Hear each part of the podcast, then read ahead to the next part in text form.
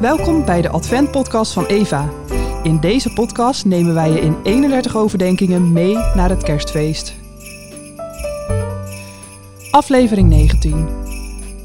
Laat met mij gebeuren wat u hebt gezegd. Lucas 1, vers 38.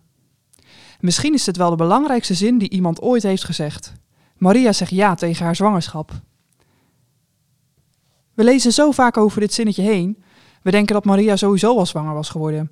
Misschien al wel zwanger was toen de engel op visite kwam. Maar zij geeft hier expliciet toestemming. Dat slaat nergens op als het onvermijdelijk was. Je geeft de zonsopgang ook geen toestemming. Maria zegt: Ja, het is oké. Laat dat wonder maar in mij gebeuren. God, u bent welkom in mij. Dit klonk vlak voordat Jezus was verwekt.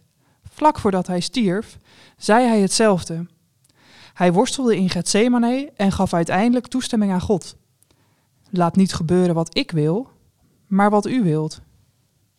Hij kon toen nog vluchten en ontsnappen, maar Gods wil smolt samen met zijn wil.